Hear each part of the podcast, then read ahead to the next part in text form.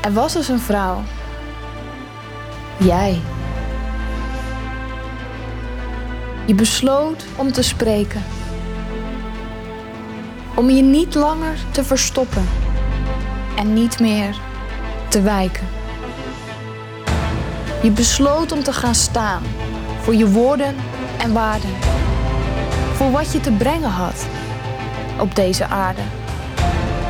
En je had kunnen zeggen: Ik ben niet, ik kan niet, ik zal nooit zijn. Maar je koos om te geloven. Je koos om te vertrouwen. Dat het verlangen wat je ooit gekregen had, er was om uit te bouwen.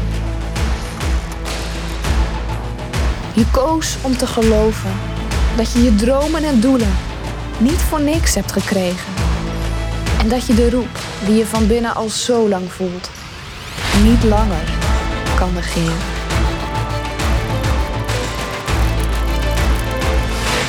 Je weet donders goed dat je meer hebt te zeggen, meer hebt te brengen, dat je meer hebt te doen en meer hebt te raken. En bovenal een veel groter verschil hebt te maken. En je koos voor moed.